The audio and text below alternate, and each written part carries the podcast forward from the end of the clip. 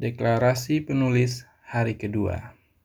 Memang betul, tantangan dan hambatan pasti akan datang. Silih berganti, kadang-kadang terus-menerus. Tapi semua itu adalah bagian dari proses kita bertumbuh sebagai seorang penulis.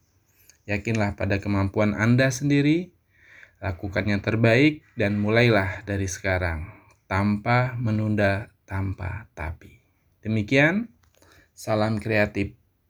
Saya, Johnny Lis Effendi, mentor menulis dan sahabat Anda.